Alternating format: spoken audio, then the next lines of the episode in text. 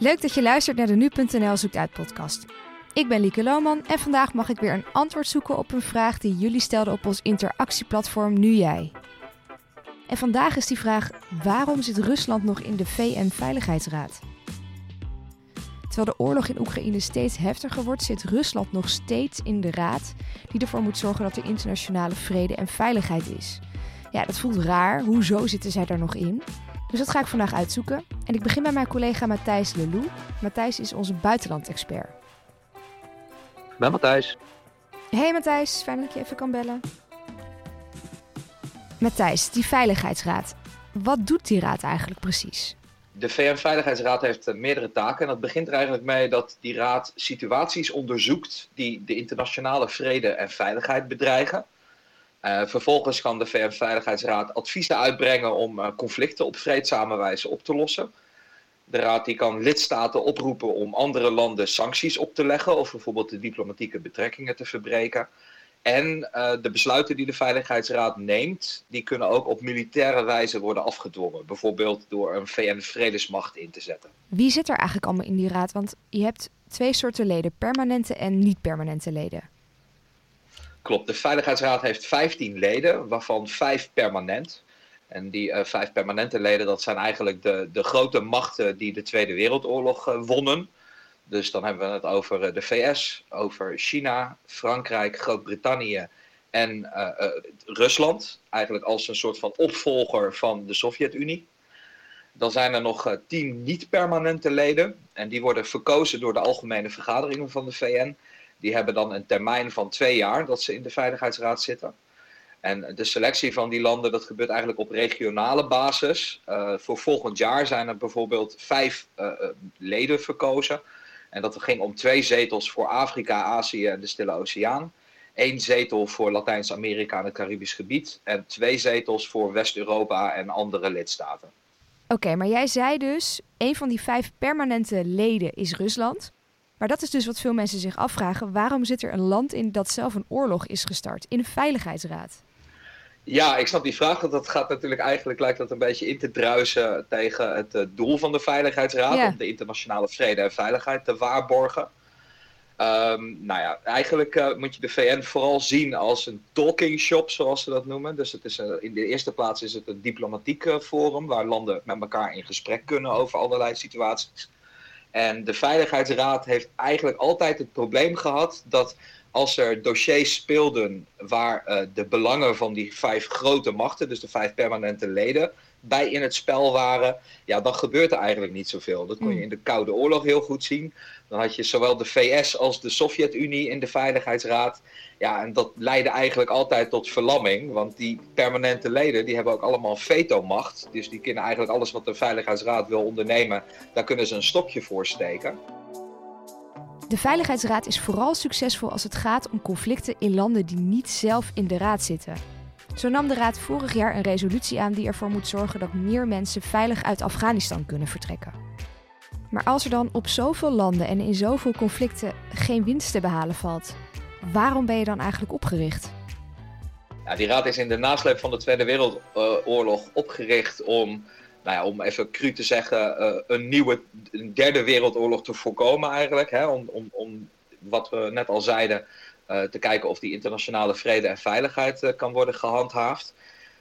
Maar ja, wat je zegt, je loopt er gewoon tegenaan dat uh, op het moment dat er belangen spelen die die grote machten aangaan, dan wordt het allemaal een stuk ingewikkelder.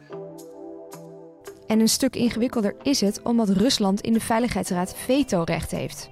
Dat betekent dat ook al is iedereen voor een besluit en Rusland stemt tegen, alles van tafel gaat. Maar zorgt dat er dan dus ook voor dat Rusland niet die raad uitgezet kan worden? Dat vraag ik Jair van der Lijn van het Stockholm International Peace Research Institute. Dat is precies waar het om gaat. Als je als, uh, als Rusland. Uh, als, als, Rusland eruit zou moeten worden gezet, dan moet Rusland ermee instemmen. Nou, dat doen ze niet zo snel. Nee, en kunnen dan niet. Want hebben, hebben zeg maar alle leden, dus ook die niet-permanente leden, hebben die allemaal vetorecht? Of zijn dat alleen die permanente landen? Het zijn alleen de P5, de permanente vijf landen. Mm. Het zijn eigenlijk de vijf overwinnaars van de Tweede Wereldoorlog. Dus het zijn ook nog eens een keertje uh, hele oude uh, landen al, zeg maar. Dus yeah. Verenigde Staten, Rusland, uh, Frankrijk, Groot-Brittannië en China. Mhm. En ja, er is al heel lang is er al sprake van dat, dat, hè, dat iedereen roept van ja, dit is ook niet meer echt de machtsverhouding in de wereld. Het is niet gelijkwaardig. Hè, waar is Afrika? Waar zijn de Arabische landen bijvoorbeeld? Maar deze vijf zitten er en, en die geven hun plek niet zo snel op. Nee, maar kunnen dan niet, want ik kan me voorstellen dat die andere vier, misschien op China na, uh, wel denken van we willen die Russen eruit. Kunnen zij niet op een of andere manier toch iets regelen dat het lukt? Of is dat echt ondenkbaar? Nee, dat is, dat is en ondenkbaar. En ik zou ook zeggen, dat is ook niet slim ook. Uh, uiteindelijk um, zul je toch ook met Rusland moeten gaan praten op een gegeven moment. Uh, zij zijn ook de, uh, een, een van de landen die toch uh, machtig zijn in de wereld. En op het moment dat je ze er helemaal uitgooit, ja, um, als het überhaupt wel had gekund, ja. um, dan sluit je ook meteen alle deuren. Maar dat betekent dus wel dat zolang Rusland met een veto in die raad zit, ze eigenlijk nooit iets kunnen bereiken als het over Oekraïne gaat. Nou, ook dat vind ik een beetje negatief. Oh. Ik bedoel, uh, uh, ja, um, kijk, nee, ze, zullen waarschijnlijk niet op de korte termijn een, een oplossing vinden. Maar uh, er zijn wel degelijk steeds mogelijkheden. Hè? Er zijn soms humanitaire corridors die kunnen worden afgesproken, bijvoorbeeld. Dus niet per se dat dat wordt afgesproken in de Veiligheidsraad. Maar het is in ieder geval een plek waar uh, uh, waar Rusland met het Westen kan overleggen. Hmm. Uh, zoals er meerdere plaatsen zijn. Waar ze ook uiteindelijk wel kleine dingen al in ieder geval kunnen afspreken. Tot het moment dat nou ja, de, de, de situatie rijp is om verder te gaan. En die Veiligheidsraad die gaat eigenlijk gewoon net door als voor de oorlog in Oekraïne.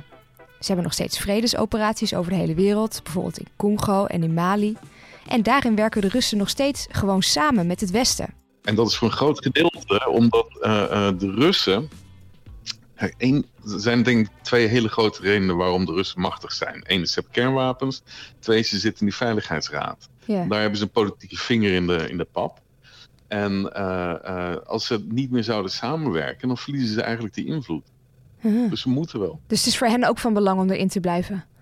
Ja, tuurlijk. Ik bedoel, uh, via de Veiligheidsraad hebben zij een, een, stem in, in, in de hele wereld. Daarom ook dat ze het nooit zullen opgeven.